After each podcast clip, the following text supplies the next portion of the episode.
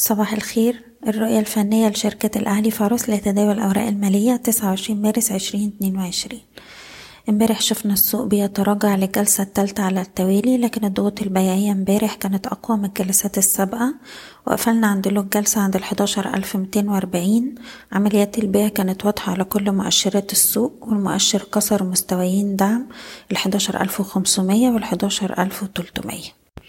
دلوقتي لو استمرت التراجعات هيبقى عندنا المستويات الدعم التالية عند مية وتلاتين ويلي مستوى تسعمية وتلاتين. ودي مستويات دعم مهمة جدا اللي هي بتمثل نسبة الخمسين والواحد وستين في المية من نسب التصحيح فيبوناتشي لو خدنا الموجة الصاعدة الأخيرة اللي كانت من ميتين وتمانين لحد الاتناشر ألف.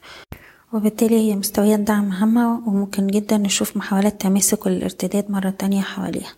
أقرب مستوى مقاومة دلوقتي هيكون عند الحداشر ألف وربعمية ويليه مستوى الحداشر ألف وستمية. وفي نفس الوقت مهم جدا دلوقتي إن إحنا نحترم مستويات حماية الأرباح لكل سهم على حدة. بالنسبة للأسهم نبدأ بالسي اي بي أقرب مستوى دعم دلوقتي هنراقبه حوالين الستة وأربعين ونص. ده مستوى دعم أول لو حصل تماسك من هنا ممكن نعيد تاني اختبار مستوى التسعة وأربعين ونص.